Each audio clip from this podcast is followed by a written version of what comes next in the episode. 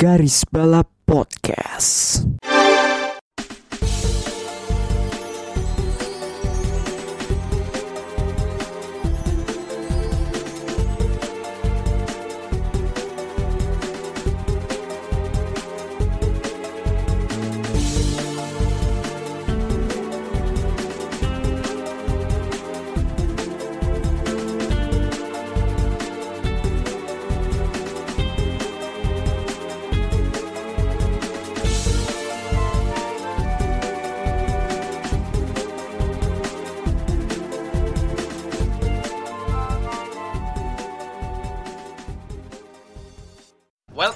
Garis Balap ya. Eh, bila kalian melihat orang-orang senyum-senyum sendiri, sumringah mungkin saja dia adalah fans tim merah. Terutama bisa aja fans banteng merah itu kan. Bersama gua Bagus kali ini pada episode 71 dan gua bersama Melinda dan Rifki. Halo, maaf aku ini ada sedikit breaking news sedikit ya. Apa tuh? Aston Martin mengumumkan kalau mereka akan menggunakan jasa Nick De Vries untuk FP1 di Monza. Well, Pakai ini, ini baru banget ya. Eh, Pas banget ini. banget. Kenapa nggak pas kemarin di Zandvoort? Dong, tolong. Au au. Iya, lebih cocok ya. lebih cocok juga ya kasusnya mungkin sama kayak Robert Kubica yang di Prancis itu ya kenapa nggak pakai jasa Theo Porcher gitu Alfa Romeo ah tapi ini. Eh, pada- pada episode kali ini kita akan bahas perihal F1 GP Belanda yang baru diadakan beberapa waktu yang lalu dan garis balap tidak sendiri ya seperti yang tadi kalian dengar ada ada beberapa orang karena kita kedatangan salah satu konten kreator motorsport juga yang yang sebagian besar harusnya kalian sudah tahu lah ya. Ada GP Racing Indonesia. Halo, halo semua. Kenalin gua eh, Rafif Halo. dari eh, admin dari Racing Indonesia, sekali sekaligus writer juga, editor, sama ada Adit di sini, writer dari Racing Indonesia. Halo Adit.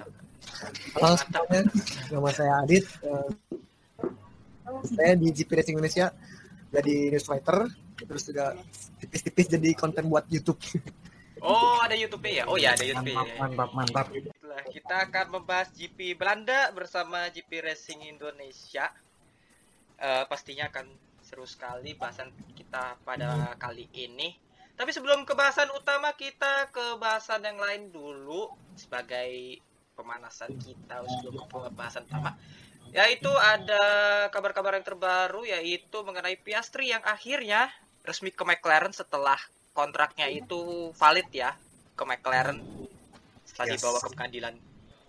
Jadi eh, eh, si RB sebuah badan arbitrase yang diciptakan oleh FIA untuk mengurusi dispute mengenai kontrak pembalap memutuskan bahwa eh, kontrak yang valid untuk jasa Piastri tahun 2003 2023 adalah miliknya McLaren. Hmm. Dan ternyata ada beberapa fakta menarik nih yang kita baru tahu pas lagi putusan ini di- di- dikeluarkan. Eh, mengutip dari beberapa sumber GP Blog sama eh, Motorsport itu sesungguhnya Piastri sudah tambahan kontrak dengan McLaren Racing itu per tanggal 4 Juli 2022 alias satu hari setelah British GP. Tapi memang waktu itu kontraknya nggak spesifik bilang bahwa Piastri akan membalap dengan McLaren F1 eh, gitu.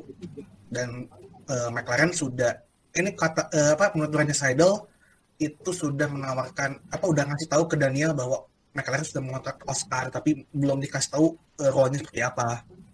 Iya, iya, iya, iya, iya, iya. Tapi un- tapi ada fakta yang fun fact-nya juga sih. Ya mungkin di set fact ya kalau menurut gue ya. Tik- eh, si Daniel Ricciardo kan baru apa namanya mengatakan bahwa ia akan ber- masih berkomitmen bersama McLaren itu Hmm. dia tuh ngeposting itu 13 Juli kan. 9, 14. 9 hari loh setelah si Piastri menandatangani kontrak bersama McLaren gitu.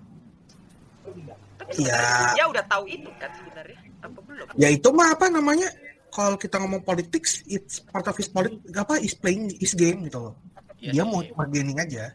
Iya sih, Tapi kalau nggak salah dari motorsport tuh kemarin laporannya katanya jadi awalnya cuma reserve driver gitu, tapi ada hak buat eh, naikin juga jadi balap utama mereka buat 2023 gitu. Iya, iya, iya. Kalau nggak salah itu gue baca.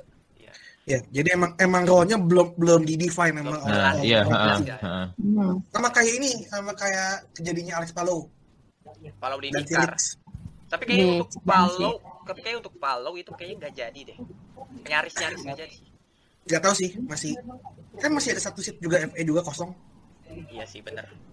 Tapi aku mau tanya ke GP Racing Indonesia tuh, eh, menurut Hmm. kalian Piastri ini akan seperti apa di McLaren? Apakah akan tidak jauh berbeda sama Ricciardo atau mungkin ini akan jadi pembuktian bahwa Mac Piastri ini pantas di McLaren untuk tahun depan? Gue dulu deh, Dit. Ya. Eh, kalau menurut gue sih, gua harapan gue malah tinggi ya ke ke Piastri, apalagi ya kalau dilihat dari karir juniornya dari kemarin-kemarin di Formula Renault di F3 sama F2 kan dia udah langsung juara di musim pertama itu. Kayak dulu Russell Leclerc.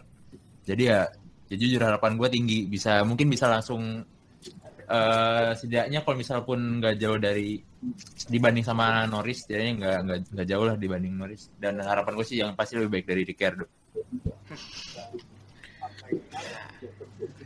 Ada yang mau tambahin dit Kalau dari gue pribadi sih, gue jujur aja sih nggak merhatiin wah, gimana gitu di apa Piastri di Formula 2 gimana gitu eh, Iya. karakteristiknya bawa, bawa mobilnya gimana. Kita kan tahu kalau Ricciardo kan selama dia di Red Bull jago lah gitu pokoknya ahli late prediction banget gitu. Tapi kalau di McLaren kok kayak gini gitu kan. eh, sementara Lando kan jago lah gitu pokoknya kalau di McLaren tuh. Kalau pandangan Anies kayak kayak pandangan Anies sih kayaknya kalau misalnya si Piastri bisa adaptasi gitu atau sesuai banget dengan mobil McLaren harusnya sih bisa lebih bagus dari Ricciardo karena kan keli- kelihatannya kayaknya emang menurut area yang nggak tahu bener atau enggak kayaknya McLaren tuh emang mobilnya benar-benar sesuai ke Lando gitu, sama kayak Red Bull ke Verstappen gitu. Hmm, itu sih menurut Anda jadinya ya Norris sentris lah ya kalau kita lihat sejauh ini di McLaren. menurut Anda gitu. Eh, iya. Tapi Lando sendiri juga bilang dia musim ini juga harus adaptasi style adaptasi balapnya juga dia. iya Adaptasi juga. Tapi adaptasinya Iya Lando sih. tuh ma- masih bisa perform. iya iya Gi- Gini gini deh.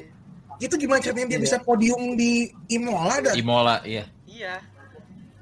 Itu masih Iya. pertanyaan. Ya, sedangkan Daniel ya kebiasaannya ya out di Q1 terus-terusan gitu kan. Kalau Q1 Q2. Udah gitu ke- Iya. udah gitu kayaknya udah, ya udahlah. Udah lepas itu aja lah si Ricciardo ini. Ya. Jadi ya. tadinya pas bahkan- pertama kali lihat berita itu kan ngarepnya bakal lebih ngeri gitu daripada Lando karena lihat masa-masa saja di Red Bull eh kaget kok gini gitu Iya, di Renault juga dulu masih gacor parah dulu Ricciardo kok 2020 tuh even Ricciardo di Renault pun juga masih bagus sebenarnya. iya masih bagus ya 2020 tuh dia Oh, masih bagus banget Konsisten kok, konsisten. Tapi ini kenapa jadi begini ya? Tidak sesuai. awalnya gue pikir awalnya gue pikir yang 2021 kan kalau dilihat dari Renault dia 2019 kan dia sempat awalnya tuh agak struggle gitu kan dibanding sama Hulkenberg Yes. nah di musim keduanya tuh dia kan dia gacor parah tuh makanya gue mikir 2021 oh nggak apa-apa lah agak struggle dikit dibanding Lando dan 2022 udah bisa adaptasi sama tim sama mungkin mobil juga meskipun mobil baru ya tapi ya setidaknya gue berharap ya bisa nyanyiin Lando lah buat buat di performa di tracknya Paling nggak bisa mengangkat McLaren lah ya. Nah, iya. Apalagi musim ini kan Iya. saingannya tuh Alpine juga dua-duanya Alpine tuh dua-duanya gila semua tuh pembalapnya hari- musim ini konsisten parah. Benar, benar, benar, benar. benar. Nah, tapi pembalap satu lagi belum pasti ya ini. antara Gasly, Mick atau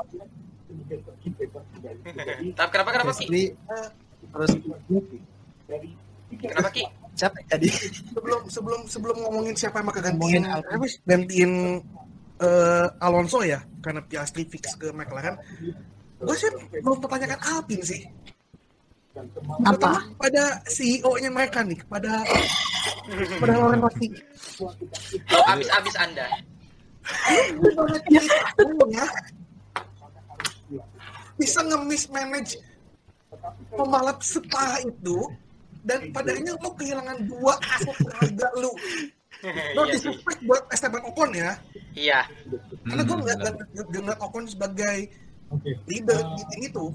Iya benar, benar, benar, benar. bisa bisanya satu ngasih kontrak yang apa? Receh dan ber- berani bermain-main merasa dirinya punya bargaining power. Hmm, iya. kedua lu ngapain Piastri kayak gitu dengan ngasih agreement yang bodoh sebodoh-bodohnya itu di bulan November. Dan proposalnya juga kan eh, kalau nggak salah yang gue baca tuh sembilan- waktu Mei si Alvin tuh ngasih dokumen gitu buat rencana masa depannya. Iya. Eh, Hmm. Buat selama empat tahun ke depan itu rencananya dua tahun tuh di Williams baru naik ke Alpine. Lah gue pikir apa-apaan lu lu kira Alpine kayak Mercedes itu kan kayak Russell yang langsung papan atas. Nah ini Alpine aja di papan tengah nggak bisa, nggak bisa maju-maju sampai sekarang dari dulu. Kayak gitu-gitu Kenapa aja yang, sih. yang katanya punya rencana, rencana lima tahunnya tuh mana tuh Kagak ada, kagak ada kan. Apa itu rencana lima tahun? udah kayak, udah kayak aduh. Dari dari 16 ya, ini udah ke tahun berapa ini? 7. Tujuh. Tahun 7. Enam. Tetap aja. Musim musim ini aja. ke 7. Eh, sama ini yang aku ini gak tau ya ini aku ngeliatnya kayak kayaknya Alpine ini cuma punya satu orang paralegal tapi juga anak magang gitu loh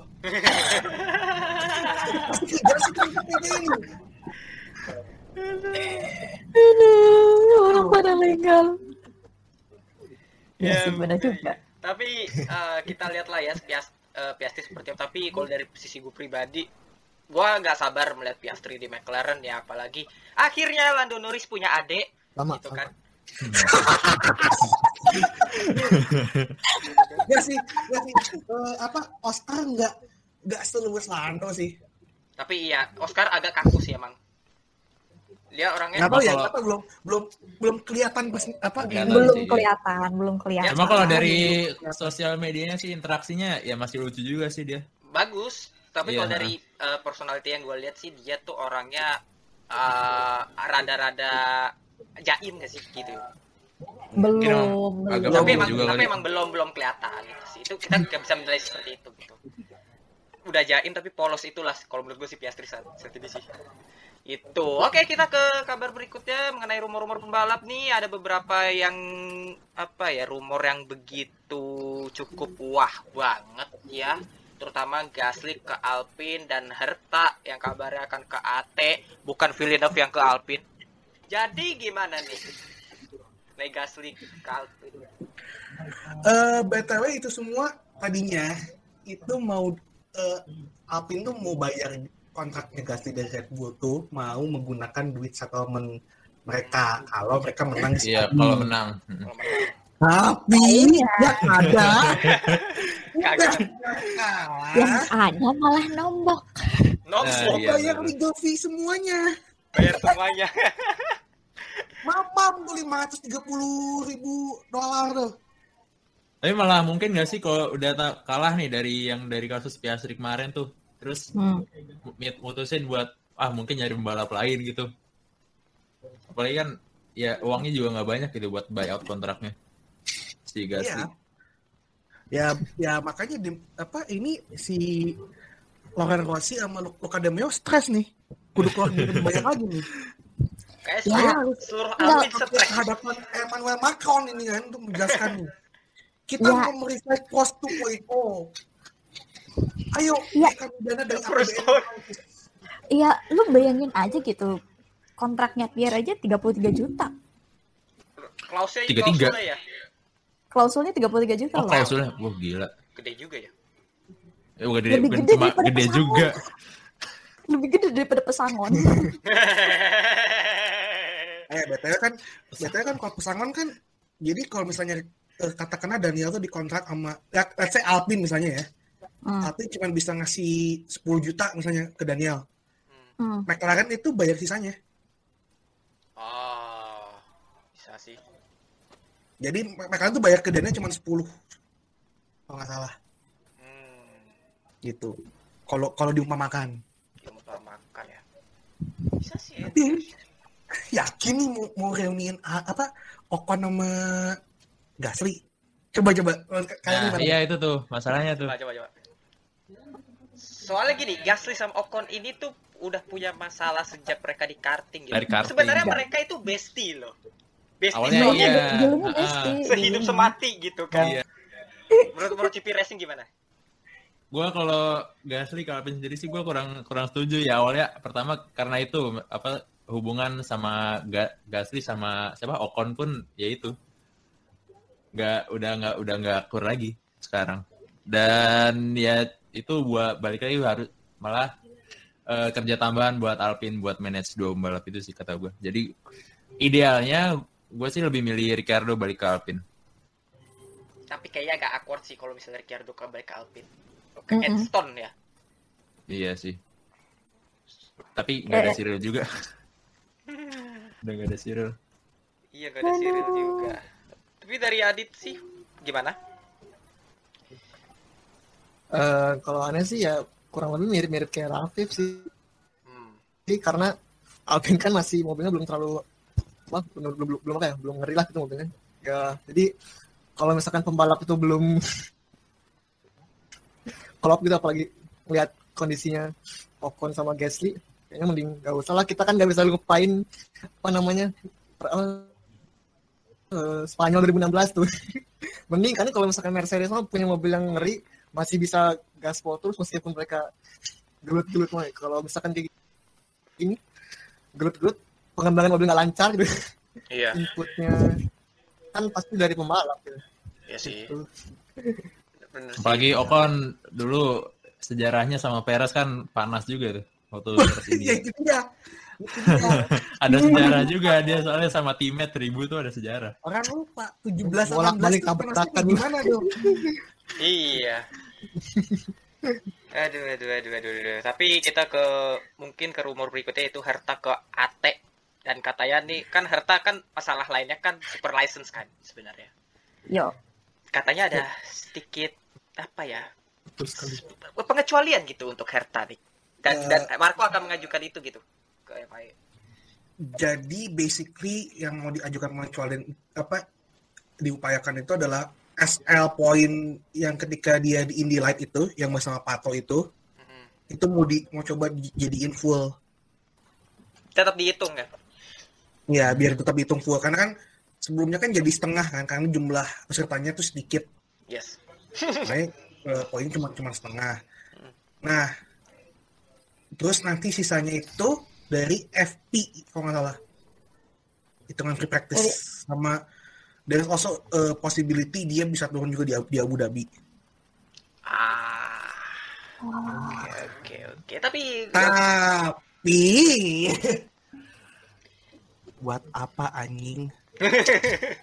soalnya ini kan baru apa ya kontroversi banget gitu loh eh apa ya pembalap I mean kita kan yang dari garis balap ini kan juga mantau IndyCar juga kan meskipun nggak selalu tapi Herta ini tuh nggak konsisten loh di IndyCar actually sebenarnya But, eh talent cuma nggak sekonsisten itu dan Iya. juga forward gitu untuk untuk merekrut pembalap yang tidak begitu konsisten dan tidak begitu generational talent banget gitu di IndyCar gitu. Tapi aku pengen ini dong tanggapan dari ya. Alpha Tauri itu sendiri. Mel, gue agak sedikit begal paham sih sebenarnya sama apa yang dipikirkan sama Helmut Marko ketika dia punya bunch of talents behind his academy. Hmm. Ya ngapain Herta gitu maksudku tuh. Eh, sorry sis, benar benar. Please. Kalau katanya sih dia Amerika, iya, pembalap Amerika. Iya. gitu. nyari Ya market kalian tahu lah pasti. mengalir Ya, marketnya oke itu sih lah, emang. Oke oke oke kalau kita ngomong Amerika iya. Oke. Nah sis, Terus? lu nah gue gue mau nanya lu tadi bilang Bull punya banyak driver yang ngumpulin di akademi Iya ada Yakin? yang Iya meskipun nggak ada yang Masalahnya tahun ini tuh Menjanjikan. dan Ruvala Gak ada yang menjanjikan. actually. gak ada yang waras masalahnya Iya. gak ada yang waras gue gua bingung dari akademi ini si Liam Lawson ya Liam Lawson itu kan di DTM dia bagus banget tuh waktu Iya. tahun kemarin tapi di F1 Hmm. kenapa malah naik turun gitu kualifikasinya angin-anginan Kualifikasi Hmm. plus faktor mekakrum mesin. eh Exactly. sama ini sih menurutku ya menurutku ini dia di Carlin Carlin bagus cuy. Kalian Sama, bagus. tapi dulu sama Ya Norris dia bagus, bagus loh. tapi bukan bukan top tier tim di F2 sih menurutku ya. top top tier sih. You Solid. you you really make Carlin look so dirty gitu. Carlin bagus bedanya. Tapi musim musim ini tapi Nggak musim ini F2 malah tim-tim bagus apa Prema aja Prema malah kurang. Iya. Prema lagi nah, Prema lagi turun, Prema lagi turun. Ya mohon maaf, isinya pembalap kayak Darufala sama rookie Hauger. Hauger. Nah, enggak Hauger eh, Hauger tahun kemarin aja di F3 dia juara dunia kan Juara. musim, dia musim rookie nggak sih di F3 tahun Enggak, Oh, no, musim kedua. Enggak, kedua. Oh kedua oh gua kira Dan pertama itu ya. pun eh, ya naik turun sih. Naik turun juga sih. Mm-mm. Abis lama, duhan. Tapi yang aku mau highlight sebenarnya gini sih. Eh, kalau ada yang ini aku kasih tahu sih bahwa Lawson itu sebenarnya mau ke Prema tadinya. Jadi Lawson. Tapi karena tapi karena Rodin kurang duitnya kayaknya oh gak jadi iya. Prema. Iya, Rodin Cars. Rodin Halo. Cars. Ya, Rodin Cars ya. Yes. Halo. Charlie. Terima kasih. Tapi But anyway, kenapa? iya sih. Eh, apalagi yang tahun sekarang banyak yang agak emang emang ngeflop sih. Gitu Tapi kan. tapi at least bisa ambil pembalap lain di luar RB Academy juga sih. Ada sih. Ya, Drugovic kan emang katanya rumornya juga Drugovic, mau, iya. kan. Drugovic rumornya katanya reserve doang dia. Oh, reserve. Eh, Iya, Ah, reserve. reserve deh. Reserve, reserve. ya emang dia prioritasin reserve tapi juga ya kalau ada peluang why not sih. Bisa Tapi aja juga sih. eh, musim ini dia su- su- superb sih. Walaupun jujur setelah aku pikir-pikir lagi line up F2 tahun ini sampah ya. Agak Kurang sampah. Kurang. Hmm, kurang. Nggak, setelah 2019 menurutku. Bahkan kayaknya di bawah apa? Di bawahnya 19 Di deh. bawah 19. Tidak ada yang benar-benar step up to the apa ya? Benar-benar tidak ada yang bisa meningkat gitu loh. Tetap Paling bagus ya aja. udah paling tinggi level kata gue F2 tuh 18 sudah. Oh, jelas. Oh iya. 18 itu Jelas. Pasti. Tiga pembalap, Paling tinggi itu. tiga Iya, pembalap. makanya. itu Luar biasa Dia itu. malah bisa naik ke F1 itu sih gila sih. Mm-mm. Cuma musim ini malah yang yang ada potensi ke Evan menurut gue bakat tuh malah Duhan sih kata gue kalau F2. Duhan iya secara Ya. surpri- surprisingly kalau menurut gua iya. Ya, Ya. Tidak Duhan. tidak tidak tidak. Quick. Co nggak coba dulu dia kan sama Red Bull ya akademi ya. Iya. Seingat gue. Hmm. Kalau Eh, dia enggak. masih ditahan di retain sama Red Bull dia menurut gue sih malah sempat ada chance gitu buat ke mungkin Alpha Tauri Eh, musim dia depan. tuh eh sempet sempet se- kayak sempet sih bukan sempet. bukan bukan bukan Red Bull Academy btw. Cuma Ya, disponsorin doang ya. Red Bull Sponsor. Oh, Kayak oh, Vincent. Hmm. Kayak Red Bull kayak siapa? Eh Cassidy sama Albon jatuhnya. Oh iya iya. Heeh. Iya udah. Tapi paling nggak bisa dimasukin ke situ kan. Eh, tapi sebenarnya sih kalau lihat Tuhan sih dia di pembalap kalau menurut gue sih yang paling surprise sih Tuhan tuh dia direkrut di ke Alpine dan eh, dan ternyata di tahun pertamanya dia bersama Virtuosi tapi juga lihat perbandingan dengan teammate juga sih si Marino Sato nggak banget gitu Satu iya dan satu mah. Tuhan juga menurut gua juga musim ini ya luar biasa sih cepet adaptasinya tuh di dugaan cepet. gua Soalnya gue lihat kan dia debut tuh musim kemarin tuh ya di kalau nggak salah di Arab sama di Abu Dhabi. Dia tuh kualifikasi Iya, benar-benar iya, iya, iya. langsung langsung kenceng banget. Gue iya gua gua kagetnya di situ. Iya Nah makanya gue ada ada ada potensi gitu kan musim ini bisa buat compete di depan lah. Soalnya Ya, benar. cuma tinggal di tim yang capable aja sih dan Mm-mm. ternyata di Ya, memang. cukup bagus gitu Ya dan tahun depan kan Tuhan most likely bakal jadi reserve-nya Alpine. bisa aja bisa aja Bah- bahkan kan Tuhan juga se- sempat sempat ada rumor mau dinaikin kan Iya. meskipun Eh, unlikely banget sih kayaknya sih bahkan feelingku ya Bisa naik loh. Bisa aja minggu minggu ini ada pengumuman baik- apa Alpine akan mutusin eh, kontraknya Piastri sebagai reserve dan naikin Tuhan. oh as, very likely. as, as- Ada as- iya sih ada kemungkinan sih. Reserve, asal reserve aja. kalau as a reserve iya kalau as a reserve iya Reserve driver bukan bukan buat musim depan enggak. Ya kalau makanya yang gua unlikely kan emang pembalap utama gitu. Pembalap utama mah Ya, dan dan menurutku F2 musim ini cuma dua pembalap sih aku bisa highlight. Eh tiga bahkan ini. Drugo salah satunya. Drugo. Selain selain Drugo ya, maksudku yang yang yang nggak fight for championship, Iwasa. Logan, Enzo, dong? sama Jack Tuhan. Duhan iya. Iwasa juga menurutku bagus kok sebenarnya. Cuma emang kan kita juga calon-calon tunggalnya Marco lagi buat ke Jepang. Tapi kita udah bahas F2 F3 nih. Kita kita sekarang eh, bahas F2 F3 di Belanda 2022 kemarin. Tapi yang gua lihat ya F2 F3 Belanda kemarin sprint race-nya dua-dua Nggak. curut. Enggak. Enggak. Enggak, gua nggak Nah. mau bahas itu. Nggak mau bahas. Nah, nggak usah, nggak usah bahas lah. Nggak usah lah. Begitu aja. Nggak Awal doang. Touring, touring. Touring, touring, touring. Siap touring. Awal Di-. Di, di Parade post itu. di post IG aja yang yang F2 Belanda tuh gue gue gue strike tuh gue sengajain kayak touring gue gue gue gue coret sprint race. Bener-bener, bener-bener. Bener-bener ngantuk itu. ngantuk ya ngantuk ya. Tapi kita ngomongin ini aja deh, ngomongin mungkin feature race-nya yang paling ini. Eh, kita ke F3 dulu. Eh Zen Maloney kembali menang ya dengan luar biasa di feature race. Terus kemudian ada kedua ada Victor Martin dan ketiga Franco Colapinto. Ada yang mungkin dari garis bawah dulu mungkin ada yang mungkin perlu kalian highlight soal balapan di feature race ini. Itu Berman anjing sih. Tapi Berman kena penalti kan? Pada Ya. akhirnya. Iya. Tapi itu rada-rada ada ra- ada-rada gobloknya juga sih si Berman sih pas mau masuk ke apa sisi dalamnya Zack O'Sullivan itu kan tikungan berapa ya yang tidak memungkinkan untuk overtake gitu loh. Maksa, maksa. Agak maksa gitu Tapi kan. tapi ada move-nya dia yang bagus sebenarnya. Turn pertama. Yang dia apa double overtake. Ya kalau double overtake ya. Wah. Gila itu. Gue kira gak, gak bakal gak bakal sukses loh. Iya. Tapi ternyata bisa gitu kan. Aduh, tapi itulah tapi eh, Victor Martin kembali ke podium ini anaknya dari Melinda ini. Anak gue. ah, gimana Anak. gimana gimana gimana. So- so- Akhirnya. soalnya soalnya Martin nih ke- dengan posisi kedua nih eh, leading the championship lagi nih ya dengan 126 poin lalu Isaac Hajar sayang banget ya 121. Hajar masih belum belum apa namanya belum Belum eh, bisa konsisten.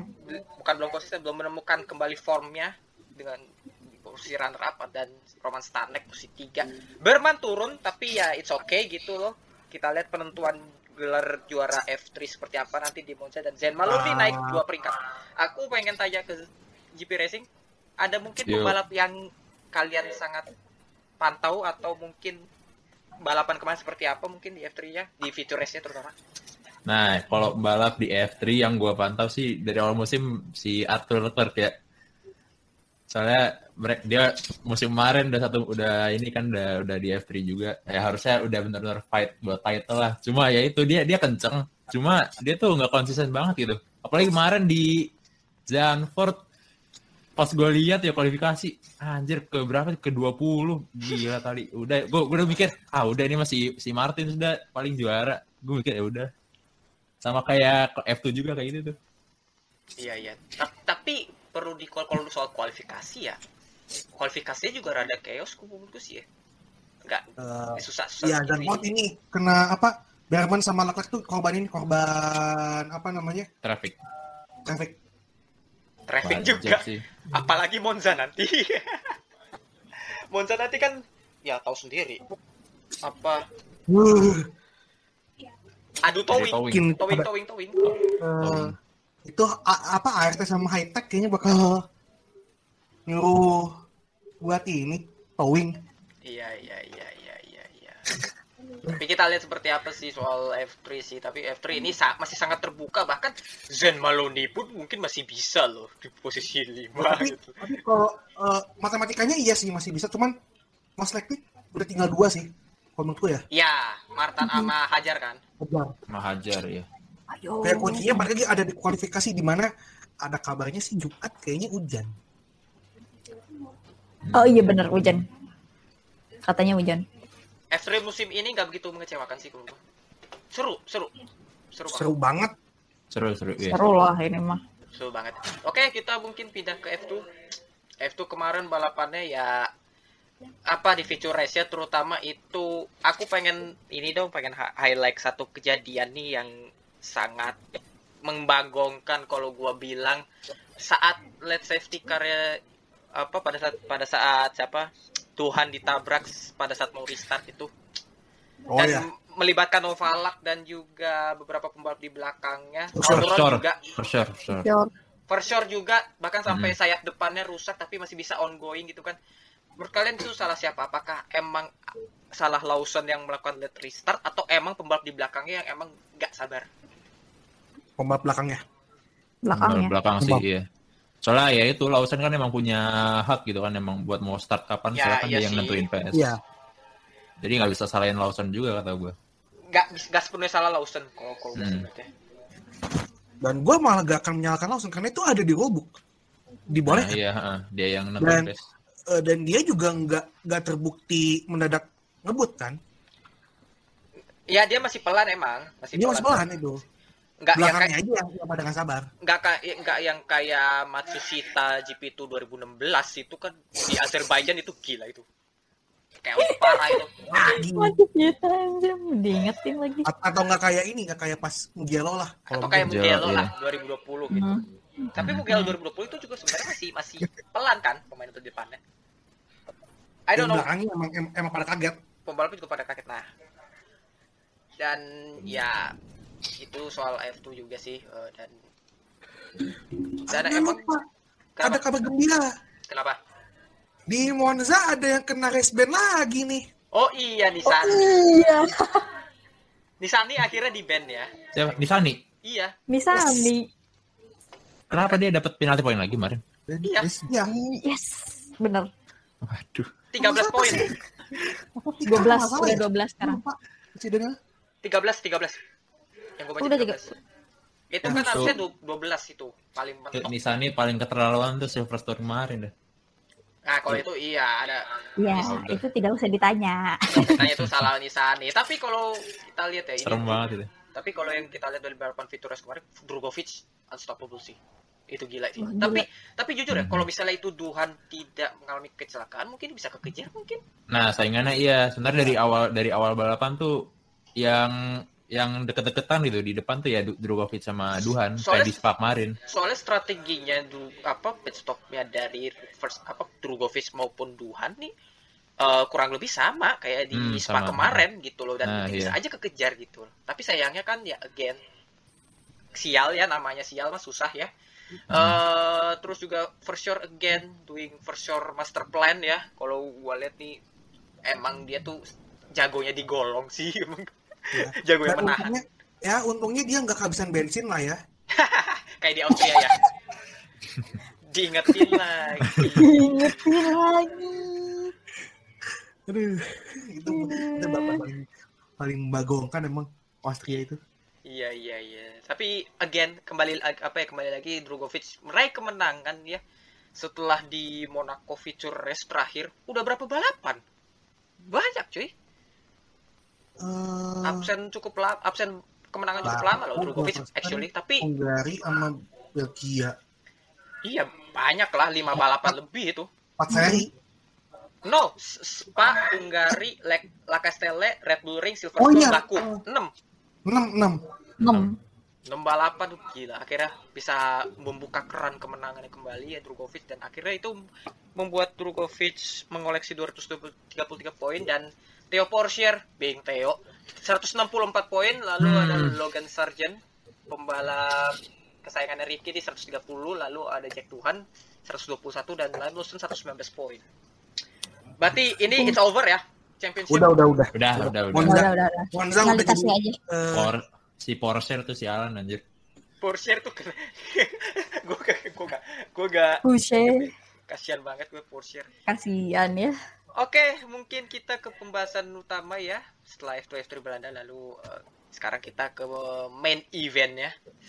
Tapi sebelum ke bahas balap dan kualifikasinya sempet, eh, fans Red Bull dan Max sempat dibuat ketar-ketir ya. Max alami kerusakan gearbox ya di FP1 meskipun tidak yang major sih. Lalu juga eh, kita ke kualifikasinya eh, kembali ke Q3 setelah GP Austria, I should say. Ya, GP. Kalau Austria. Ya. salah iya. Heeh. Ya, setelah Austria. Iya, iya, iya. Ya. Mei kembali. Soalnya di Q2, Q1 tidak ada yang mengejutkan lagi selain Q3 Mick kembali ke apa? Q3. Ada ada loh yang yang mengejutkan. Siapa? Itu ada yang top 3 dari bawah. Udah laki. Top 3 dari bawah. Yang yang berani beraninya yang berani beraninya lap lap terakhir Q1-nya pakai ban soft bekas. Ada bisa-bisanya loh. Tapi ya, again tidak ada selain sih menurut gua nggak ada yang mengejutkan sih.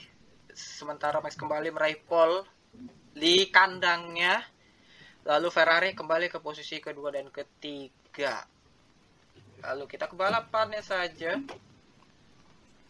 eh balapannya sebelum ke balapannya kita ke ini nih eh, Ceko mengganti mesin ke komponen lama dan tidak jadi penalti berarti tetap apa ya tetap ada apa namanya tidak melebihi alokasi mesin Iya, ya alokasi mesin. Iya. Wajar sih, soalnya kan emang Zandvoort nggak demand power banget.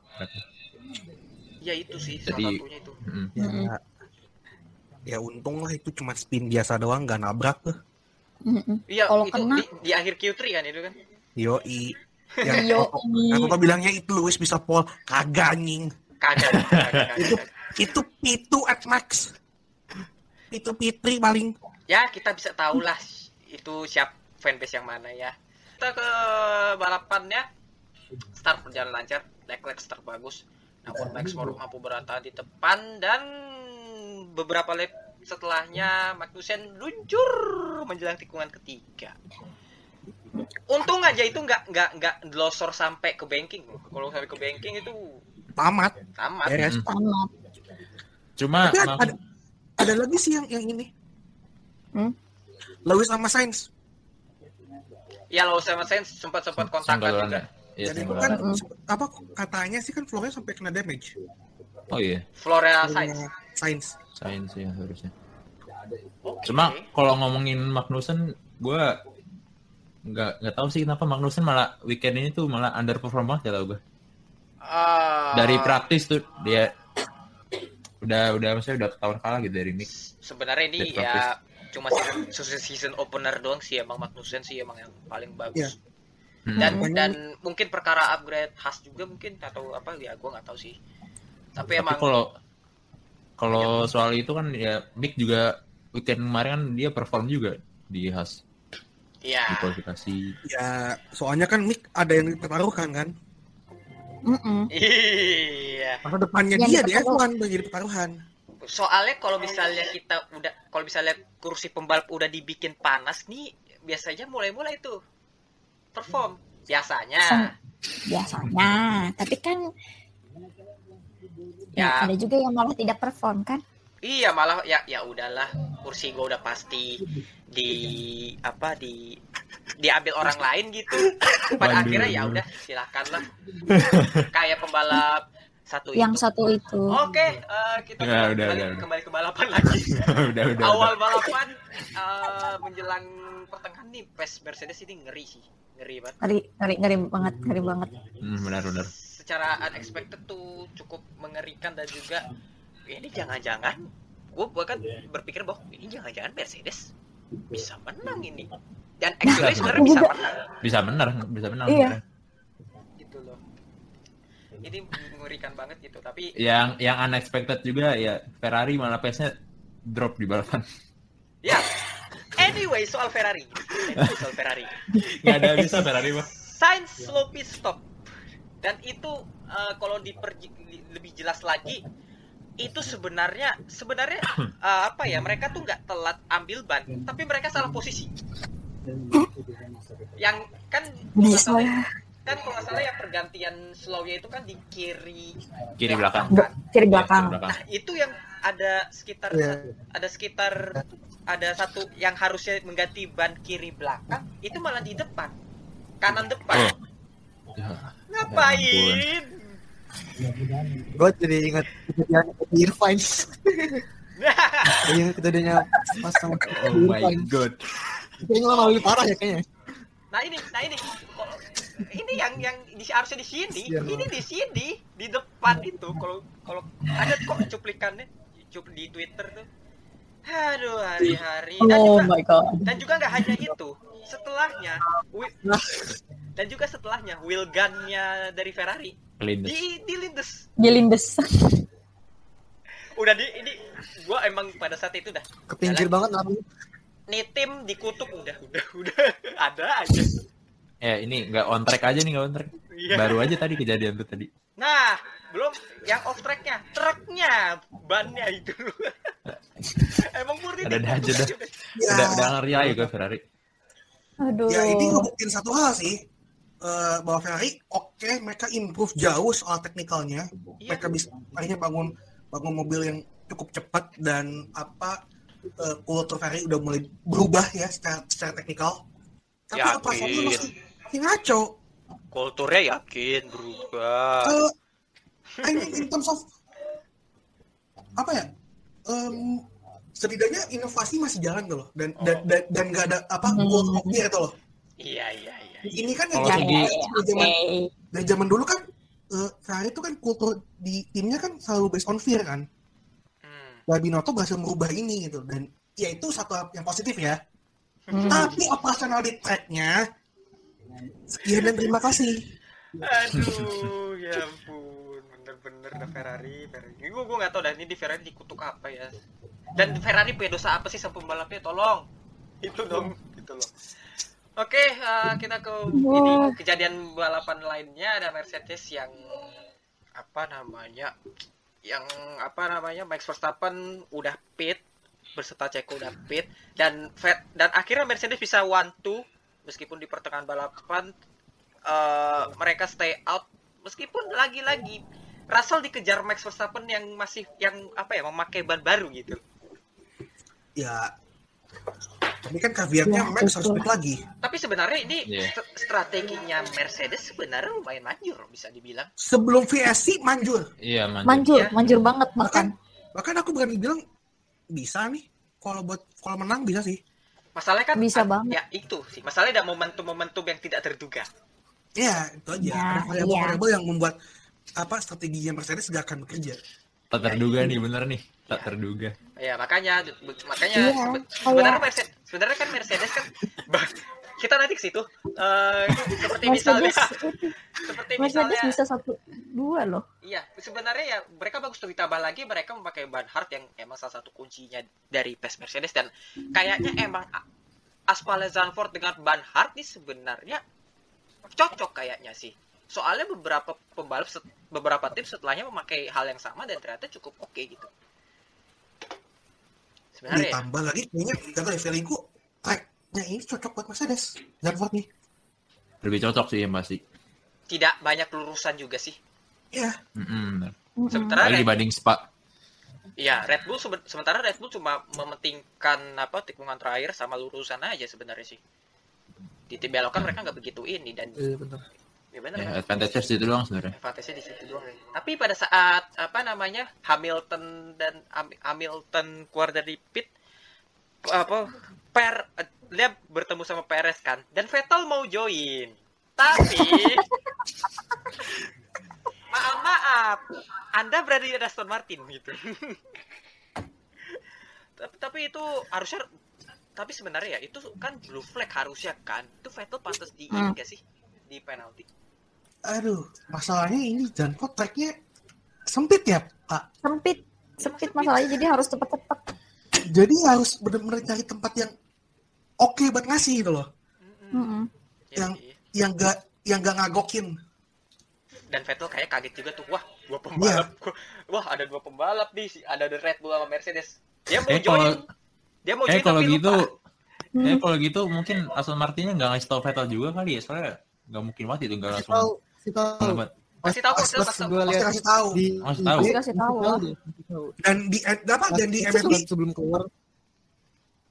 Apa? Dan di layar ada ini ada ada, ada apa? Ngeblip gitu blue flag pastinya. Iya iya, Oh iya. iya benar sih, iya benar. Iya, Mm-mm. tapi emang susah sih Zandvoort Zandvoort tuh memang emang yang pet tikungan yang apa tikungan? Apa sih namanya? Track yang bener-bener rapet rapet itu sih. Gitu loh Dan tapi ada kejadian ajaib lainnya selain Vettel yang mau join tapi dia lupa dia berada di apa namanya eh, Aston Martin. Ada prank stop dari Sunoda Williams Eagle. yang men-trigger VSG. Admin Ayang, Mel, Aka Melinda dipersilahkan. Mengenai Sunoda dan Konspirasi. konspirasi dan segala macam gitu. Tapi Oh itu sangat itu sangat Tapi- itu tapi- sangat rame itu rame banget sih. ya tapi eh, si Alpha Tauri udah oh inilah ya udah bilang bahwa mereka tuh sebenarnya kenapa Sunoda gitu karena ada masalah pada mobil yang tidak, tidak diperkirakan gitu, ada expected gitu. Iya. Tapi aku minta tanggapannya dari fansnya langsung nih. Gimana ya? Oh itu pas waktu pertama kali pas waktu reaksi awal aku kayak Oh ini kenapa lagi nih kenapa lagi nih? Ini kumat apa lagi nih? Kumat apa lagi? Gila sekarang tuh kan. Mm. Terus yang gue bingung,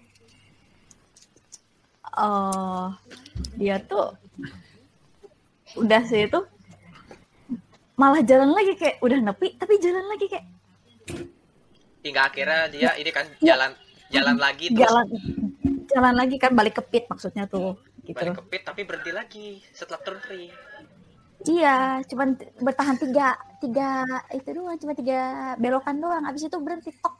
Udah Tapi kan gua kayak tapi gue kira itu karena emang seat belt atau apa atau mungkin karena ada uh, seat belt iya, oh, oh seat belt ya bukan karena seat ini ya belt seat beltnya itu kalau- enggak, kalau- sedikit udah agak udah agak longgar dikit dia tuh. Kalau nggak salah se, se- sepantauannya sih kan awalnya mau di di DNF tuh awalnya tuh mau di berhenti Iya. aja udah kagok. Iya, iya. Tapi jadi udah udah kagok ngebuka itu kan udah kagok ngebuka buka seat belt Bukan setel tapi udah terus masih longgar Masih longgar, Longgar, cuma dilonggarin longgar doang.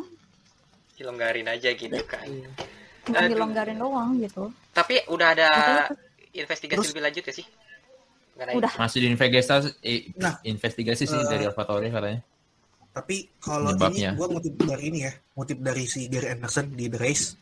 Hmm. Eh, ini tuh masalahnya ada di drive shaft dan ini Alpha Tauri nggak nggak bisa eh, secara langsung mendiagnosa gitu loh. hmm. Eh, oh ya drive shaft, awal- ya. Awal apa awal kan si Yuki kan rasanya kayak kayak ini apa eh, belakangnya tuh kayak kayak kayak ada loose atau apa gitu kan padahal masalahnya ada di, di apa differential atau enggak eh, drive shaft itu kan Nah, different sih Nah. Difference. Eh, dia masuk pit ban belakangnya itu kan kalau nggak salah longgar kan ban belakangnya tuh kayak longgar gitu ban belakangnya Enggak, enggak longgar. Enggak nggak longgar. longgar nggak nggak longgar. longgar nggak longgar dia dia tuh ngeluhinnya ini dia bannya tuh ngerasa drifting gitu malah apa merasa satu bannya tuh malah wheel spin terus kalau dia kata rasanya pas makanya makanya Yang makanya Yuki asumsinya adalah yaitu apa eh, ban belakangnya nggak nggak dipasang kendor properly. Ah, Masih iya. Kendor dia masuk ke pit dan sekali benerin seatbelt nah pas keluar pit timnya baru baru ngeliat di data oh ada yang salah. Makanya langsung DNF gitu. Jadi it's not the conspiracy gitu ya kawan-kawan. Ini bukan apa bukan bukan kong kali kongnya Red Bull dengan junior timnya kayak Yuki Gate. Yuki Gate. Ini bukan crash gate kawan-kawan. Dan kalau lagi juga buat apa gitu loh Mm-mm. apa benefitnya buat Red Bull yang basically udah ngunci gelar konstruktor loh iya benar iya betul Ulah. sih. Makanya. balik lagi Dan ul- ap- dan apa juga ate Om ate Win nge pembalap yang kemungkinan dapat poin itu kan? Iya. Iya, Iya sih. iya. ulah code LH, eh poin emang nih satu kultus setan Hmm. satu ini nih nih lagi kalau kalau Kementerian Agama dan MUI nih tolong nih ada satu nih sesat nih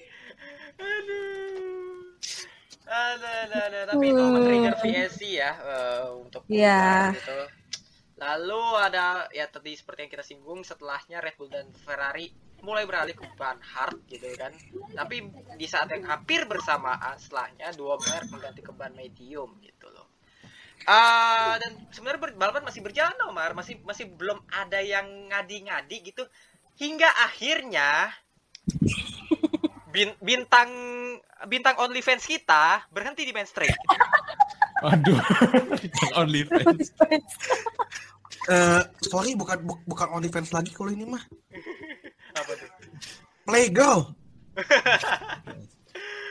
Aduh, tapi itu katanya sih kalau yang gua ini sih kata ada masalah pada ice-nya sih di ICE internal itu Ice-nya. meledak itu. combustion engine Meledak. Nah, ya. Ice-nya Da- meledak tapi gitu di ya. saat yang bersamaan eh, di tempat yang sama itu Sainz nyalip sang guru gitu ya, sang mentor Fernando Oh, iya. Alonso. Lalu safety car keluar dan Max mengganti ke ban soft. Udah tinggal all out aja sih ini tinggal tersisa 10 10 20 lap lagi kan. Berarti. Hmm. Udah. Dan Nah, tapi sebelum sebelum kita ngomong pit ya. Iya. Menurut kalian safety car-nya kelamaan nggak? Oh ya. Kelamaan. agak agak kelamaan. Kelamaan. Kelamaan. Opa. Itu itu itu Opa. itu, itu tugas Berapa Opa lap itu. Opa Fre eh, Opa Freitas. Tolong Coba, coba. dari apa tempat apa tempat mobilnya Botas itu bu- emang susah di ini juga nggak sih di reach Ah, dari iya. maksudnya dari Iya truknya sih. gitu Main dari straight. main iya straight. main straight main strike juga sih. Dan juga emang mengevakuasi mobil agak-agak rada sulit ya di Zandvoort ya. Kita kembali ke F2 Iya. yang kata si sarjan kecelakaan di Vitor Race itu kan juga cukup sulit itu tuh. Padahal cuma padahal cuma apa nabrak tembok dan tag pro-nya rusak, tapi evakuasinya itu agak rada sulit sebenarnya sih. Tracknya Jadi sama kayak evakuasinya Yuki. Iya, evakuasi Yuki Mhm. juga gitu. Karena Zandvoort kan itu gini apa gundukan pasir. Ya, Sand ya dunes. salah satu pro- salah satu problematikanya Zandvoort emang itu sih emang eh, yang gua apa yang gua peng- mengerti sih. Lalu eh, di balapan kita kembali ke balapannya lagi. Ini titik krusialnya. Eh, Mercedes ngadi-ngadi sehingga Russell ini Russell yang meminta loh. Russell yang meminta ke ban soft. Mm-mm. Sementara Hamilton stay out. Keputusan yang sangat tepat bagi Russell ya kalau menurut gue juga untuk ganti ke ban Hmm. soft. Tapi Hamilton ini ada apa dengan Mercedes? Sini Hamilton kagak belajar dari adek tahun kemarin apa? Yang mana tuh? enggak atau enggak kalau kalau kalau Mercedes mau mau adil itu ya harusnya Russell nggak usah dimasukin pit aja sekalian gitu buat buat mungkin defend Hamilton juga jadi wingman Buat apa? So- soalnya ini sih apa? Ini jadi kayak kekacauan Mercedes kayak apa lu nggak perhitungan apakah misalnya safety car masuk tuh ban bannya medium mereka tuh tidak akan bekerja gitu loh. Mm-mm. Karena gue gue lihat tuh Ya gitu sih. gimana pun ngelihat Max sama Leclerc ganti ke ban soft, I don't think it's visible juga gitu loh buat buat buat Mercedes dapat apa ya yang pasti kan race win udah bubar kan Ya udah bubar Iya. itu mah. Itu Udah itu mantul ceritanya. udah udah dashboardnya adalah uh, P2 P3 ya paling kan Tapi- kan tapi- itu. gue nggak tahu gue lihat di mana ya kalau gue lihat itu dari gapnya itu sebenarnya Hamilton kalau pit di di lap yang sama nih yang pas sebelum Russell pit itu malah Bisa. masih bisa keluar di keluarnya keluar di depannya Verstappen malah gue lihat masih ada kemungkinan Meskipun ya harus senggol bacok lagi sih. Kemungkinan. dan Iya. itu udah pasti kalah Dan kayak udah pasti kalah juga sih. Iya, itu Tapi usah at ditanya. least, at least sih bisa amanin podium sih itu sih yang bisa double disayangkan. double podium harusnya bisa lah itu bisa Iya. Bisa Bang. banget. ya balik lagi pembalap adalah makhluk paling individual yang harus harus jadi selfish nah benar benar Iya gitu. Dan justru ini dengan adanya dengan ke- apa namanya dengan Russell memutuskan pit dan sementara Hamilton tidak, eh Ferrari eh dapat voucher ya, gosok voucher ya. Si voucher. Charles Leclerc bisa ke P3 gitu kan. Tapi ada tapi beda nasib dengan eh teammate-nya Sainz yang terkena unsafe release. Dan emang layak unsafe penalti sih. Nah, iyalah. Layak banget. banget itu Itu ngenain Ya. Al- Alpine Alonso kan ya? hampir UI. Enggak kena, Kena, kena, kena. Kena, kena, kena, ngetep. Karena sempat-sempat senggol gitu. ya Ini kalau ya Senggol. kalau senggol sih ya udah udah fix Ya udah. Senggol itunya, endplate. makin ya kado sempurna buat ulang tahunnya Sainz ya Hadiah, hadiah dari FIA sini. Iya iya. Dokumennya Harus betul. Dia dia 5 5 detik ya, nggak salah. 5 detik Yes, 5 5 detik. Untung Ferrari ngasih tahu apa pe- ngasih ngasih tahu penaltinya nggak blunder ya, nggak kayak di Prancis. Ah ya itu tadi merek menurut gue sih rada kita nanti kemarin. Tapi ya itu sih Mercedes blunder ya Hamilton akhirnya disalip Max untuk leading dan akhirnya Max winning the race hingga akhir Eh, posisi kedua di, di apa namanya eh, diisi oleh Russell dan posisi tiganya diisi oleh Charles Leclerc. Kembali ke podium setelah beberapa balapan terakhir? Po- tidak Empat. podium. Empat balapan terakhir hanya satu podium. Empat. itu pun juga menang Oh, Austria ya? iya Belgia, Belgia podium nggak sih? Eh, enggak dong Enggak. oh, enggak, enggak, enggak, enggak. Lupa, lupa, lupa, lupa, lupa, lupa. Yang dapat penalti itu Oh, habis iya. pit. Oh iya. Penalti, mau nyari fastest lap mau ada penalti. Eh, lupa, lupa gua. Laki banget. eh. lupa, lupa, lupa. Maaf, Ah, saya lupa. memang saya cuma ingetnya mobil merah aja, cuma lupa nomor berapa itu yang di inunya. Ki, please lah Hashtag kasihan Leclerc. Aduh, ya, Aduh, itu sih. Tapi sayangnya ya Hamilton meskipun hanya di posisi 4 tapi ya masih good, masih good sih nggak yang bener-bener jatuh banget. Tapi yang gua ini sih Ceko sih. Ceko turun banget menurutku sih.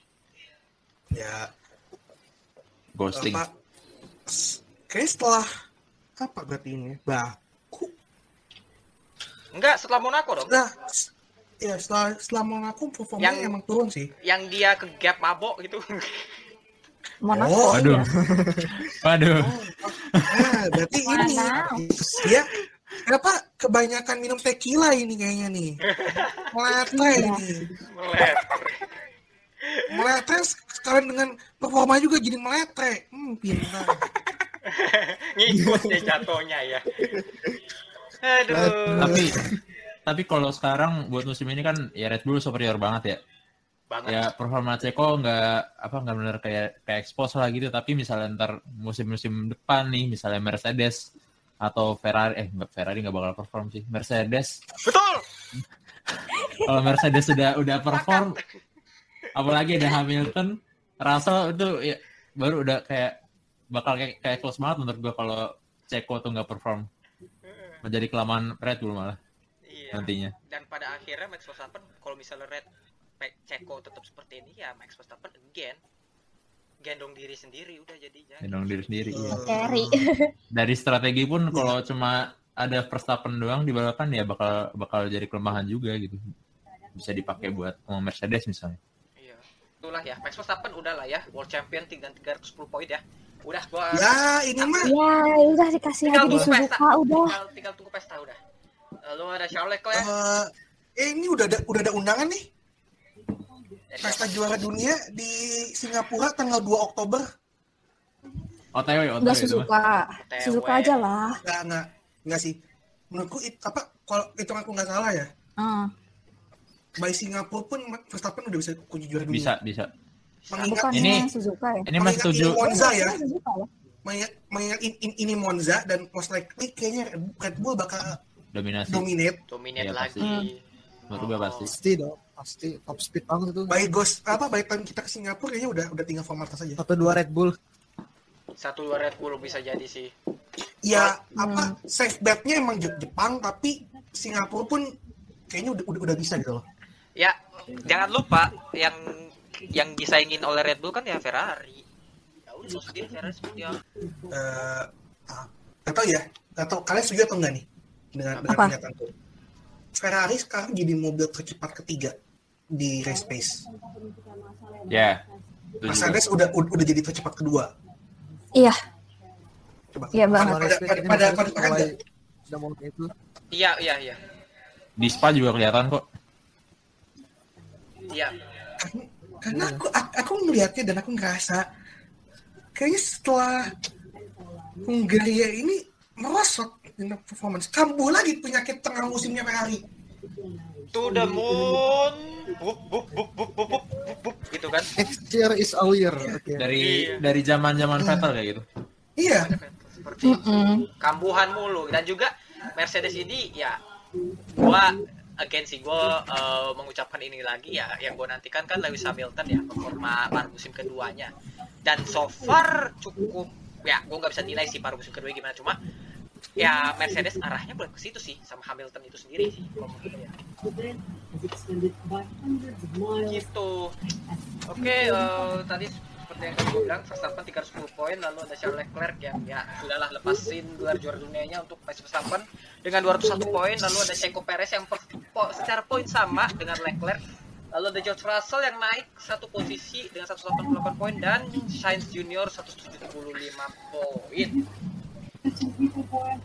Uh, mungkin boleh nih man of eh man of the match lagi. Apa uh, driver of the mungkin menurut kalian? Untuk Dutch Grand Prix kemarin? Nggak kebalik tuh benderanya. nah itu tuh benar Udah, udah, udah. Nah itu benar. Udah, udah, udah. Nah, oh, oh Max Verstappen ya berarti ya. Dari GP Racing mungkin? Di GP Belanda kemarin, iya Verstappen sih. Verstappen ya oh sama ini paling Alonso. Alonso Oh. kedua lah. Eh boleh Alonso ya juga. Alonso boleh sih Alonso Tadi gimana tadi pertanyaannya? driver of the day driver of the day DOTD DOTD, DOTD, DOTD. DOTD, DOTD. Tapi versi kalian. Hmm, kalau nggak Russell Hamilton kali. Ah, ya bisa Russell sih. Russell soalnya Russell juga. performanya yang bagus sih. Gitu. Oke. Oke, itu bahasan balapannya tapi ada eh, bahasan lain nih. Ini bahas segmen penutup lah ya. Tanggapan kalian mungkin tuh soal kejadian yang sangat menghadeh di Zandvoort ya, terutama lempar flare, ada puntung rokok bahkan. Lalu eh, kabarnya terdapat sex harassment dan juga yang baru-baru ini ada yang mengujar apa hate speech gitu di sosmed terhadap Hannah Smith eh, kepala strategi Red Bull. Kalian mungkin dari Garbal dulu deh, dari Admin Garbal dulu. Eh, itu yang berapa flare yang Itu udah ketahuan dong. Ada udah ketahuan kan itu iya, Ada, ada, was it security guy or something? I don't know. Dari pokoknya dari dari apa ya? Staff dari Zandvoortnya malah kata itu kalau nggak salah. Nah iya yang aku tangkap tuh ada yang dari situ yang orang Zandvoortnya gitu terus kayak ah, that's why I hate Kenapa? that. Kenapa lemparnya ke track goblok? Nah, itu. Oh, itu yang jadi pertanyaan. Dan juga itu direkam kan itu. itu Iya, direkam loh. video. Itu direkam Ya, loh. maksud, apa kayak Kelihatan nggak ini?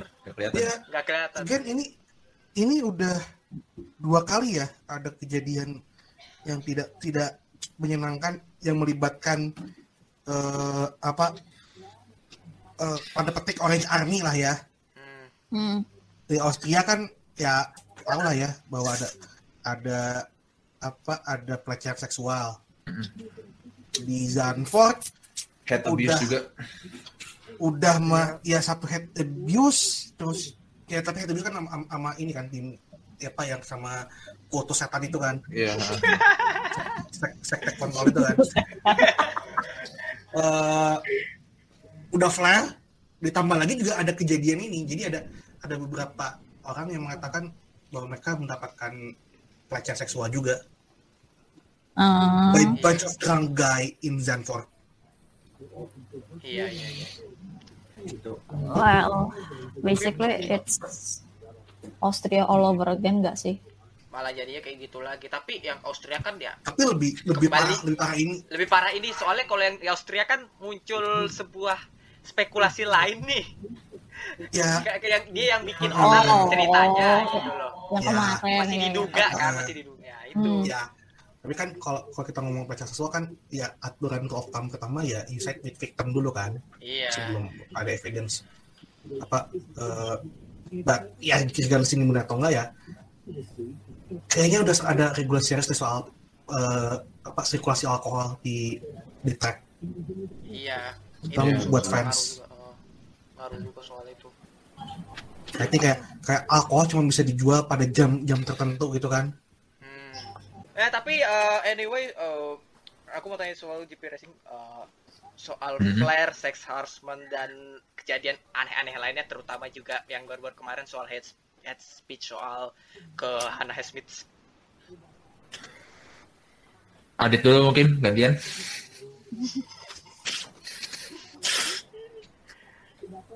Kayaknya gue bahas dulu deh yang Hannah Smith. Soalnya baru oh B- baru banget.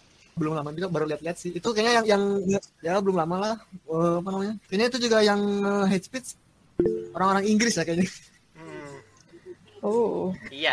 Soalnya apa ya? Kan kita tahu kan kalau Lewis Hamilton kan miss menang Hmm. yang disalahkan strategisnya karena dia telah berkata dengan aneh aja sih kok nyalahkan Ah, pokoknya aneh aja sih kalau kata aneh mah gitu Iya emang aneh sih. so masa ya dia harus kerja dengan buruk sih gitu.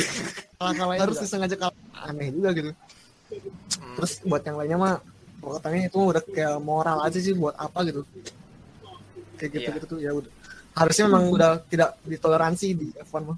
Iya benar benar. lain apalagi di F1 gitu. Dan juga terutama itu sih L- sok. Memang rapip Ya kalau buat dari apa ya? Dari yang flare, dari yang flare atau sexual harassment itu ya gue nggak tahu sih sebenarnya mau ngomong apa cuma kalau Evan gue mikir kalau Evan mau bertindak pun tindakannya tuh gimana gue juga bingung gitu cuma kalau itu ya udahlah itu balik lagi kata tadi kan itu buat apa moral aja dari setiap orang kan emang harusnya itu udah nggak bisa toleransi lagi kan Hmm. tapi kalau buat Hannah Smith itu menurut gue emang udah benar-benar keterlaluan, keterlaluan sih kata gue sampai di abuse sampai segitunya dari Iya. Dari di Twitter itu yang gue gue baca sampai Alpha Tauri-nya benar-benar ngeluarin statement tuh anjir gini udah keterlaluan banget kan kata kata kata gue di sini- kata gue sih gitu Iya. sampai ngeluarin statement tuh udah emang, emang udah kelewatan sih Tapi yang dikeluarin statement itu adalah Alpha Tauri bukan Red Bull-nya loh. Red Bull lah itu gue yang gue tunggu-tunggu. ya ya iya juga sih iya Fred gue bareng Oh, Red Bull loh, Iya, bukan iya. Alpha Tauri loh. Bingung aku tuh.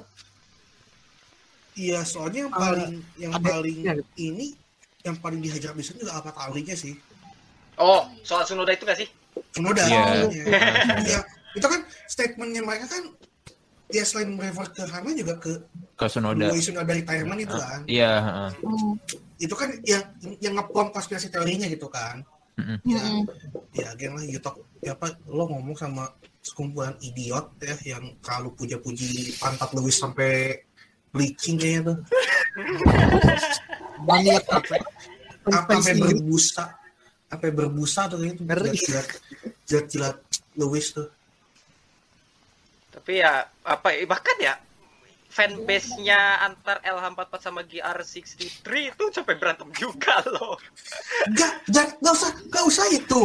Antar usah fans itu. LH-nya aja ribut kok. Ribut kok. Iya ribut. Eh, tau lah.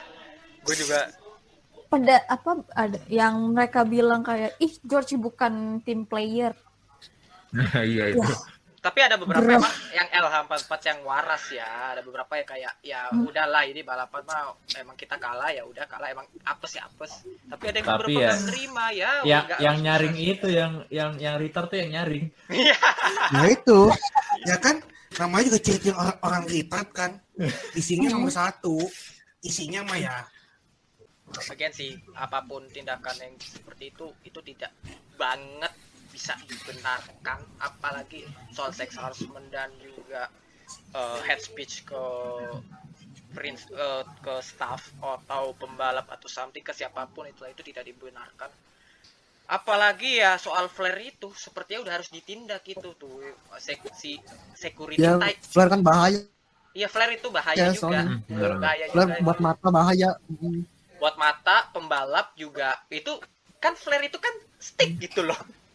Kalau kena ke lintas mobil bisa kenapa-napa kan gitu. Jadi eh menurut gua Iya. harusnya bisa bisa ditindak lagi sih sama ini pihak Zanford mengenai itu apakah itu security atau hanya sekedar oknum. Lalu eh, bisa diperketat lagi mungkin soal apa yang perlu dibawa apa barang-barang yang dibawa di Zanford eh, dari fansnya seperti apa itu sih tapi kemarin emang udah nggak dibolehin kan sebenarnya flare tuh udah udah Aslinya. boleh tapi kan namanya Iya. Boleh, udah ujung, udah boleh Cuman dikasih Iya. kayak ujung, dilarang bawa ujungnya, flare. ujung-ujungnya juga itu habis race nyala tuh flame. nyala Iya. tetap aja ada Penuh, aja penuh. yang nyelip nyelip nyelip gitu kan ya satu si- jalan Ini, ini apa? Eh, ya ini apa kegagalan, kegagalan security sih bisa, Mm-mm. bisa dibilang dan eh nggak tahu ya gue sih kayaknya nge-propose kayak di kayak di UK sih Mm, kayak kayak kayak di bola gitu kan Iya.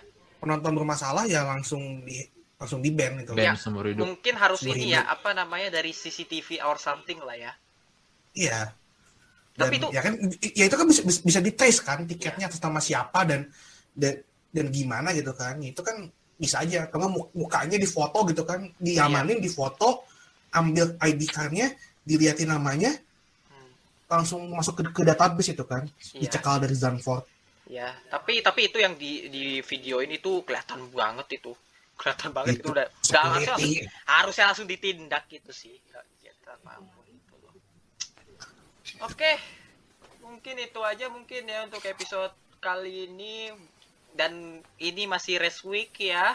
Selanjutnya di Monza bagi kalian fans Ferrari berdua-berdua saja ya. Perbanyak ngajinya gitu loh, perba- perbanyak zakatnya, perbanyak sodakohnya gitu. Siapa tahu gitu kan itu akan menjadi jalan. Berharap. Ja- jalan ada terbuka gitu gitu. sudah berharap mukjizat Juara jarum langit. itu pintu langitnya diketuk. Hey! Itu sepertiga malamnya. Tifosi no perbanyak no Oke gitu. Ya kita selalu agamanya Katolik atau Kristiani datang ke gereja Iya, perbanyak ibadahmu gitu, perbanyak ibadah Kalau perlu ya, kalau per, kalau perlu ya sekalian gitu kan, apa infak ke panti asuhan, panti apa gitu kan. Biar bisa Aduh. ya gitulah. ya atau enggak juga inilah apa namanya eh masih berbanyak berbuat kebaikan lah ya Iya, benar, benar, benar, Nah, kan tatonya tatonya digelapin kan buat sosial. atau atau tan atau tadi pakai buat foya-foya Diam, Oke, diam. mungkin itu, mungkin itu aja mungkin. Ah, mung- ah, mungkin ada tambahan dari GP Racing mungkin ah, mungkin bisa promosiin tweet sosmednya. Eh, Oke, jangan jangan lupa buat follow GP Racing Indonesia juga ada di Instagram, Twitter, dan YouTube juga ada channel. Ya, Ya, Itu aja sih cukup. Eh, sama makasih buat buat garis balap udah kesempatan buat juga bikin ngasih. kaos lagi nih Iya benar. woi. Jangan lupa beli merch wah mantap merch. nih. Racing Baru juga bikin kaos nih dipakai sama Adit. Wih. kembali kameranya Mantap. ayo beli beli guys beli oke Sama makasih ya buat garis balap udah udah ngasih kesempatan buat ikut podcast bareng. Iya.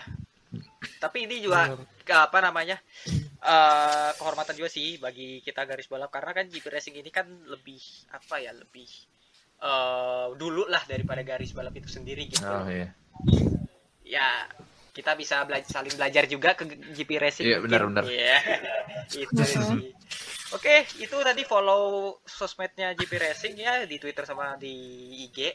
Lalu juga jangan lupa juga di YouTube-nya juga di YouTube-nya juga gitu kan. Ya, Nanti YouTube boleh, ya. Ya, benar. Tapi jangan lupa juga kita uh, follow Instagram, Twitter garis balap juga dan podcast garis balap di Spotify gitu kan. Itu aja mungkin dari kita, gue bagus Rifki dan Melinda dan GP Racing undur diri sampai jumpa di episode berikutnya. Salam motorsport Indonesia dah. Max Max Max Super Max Max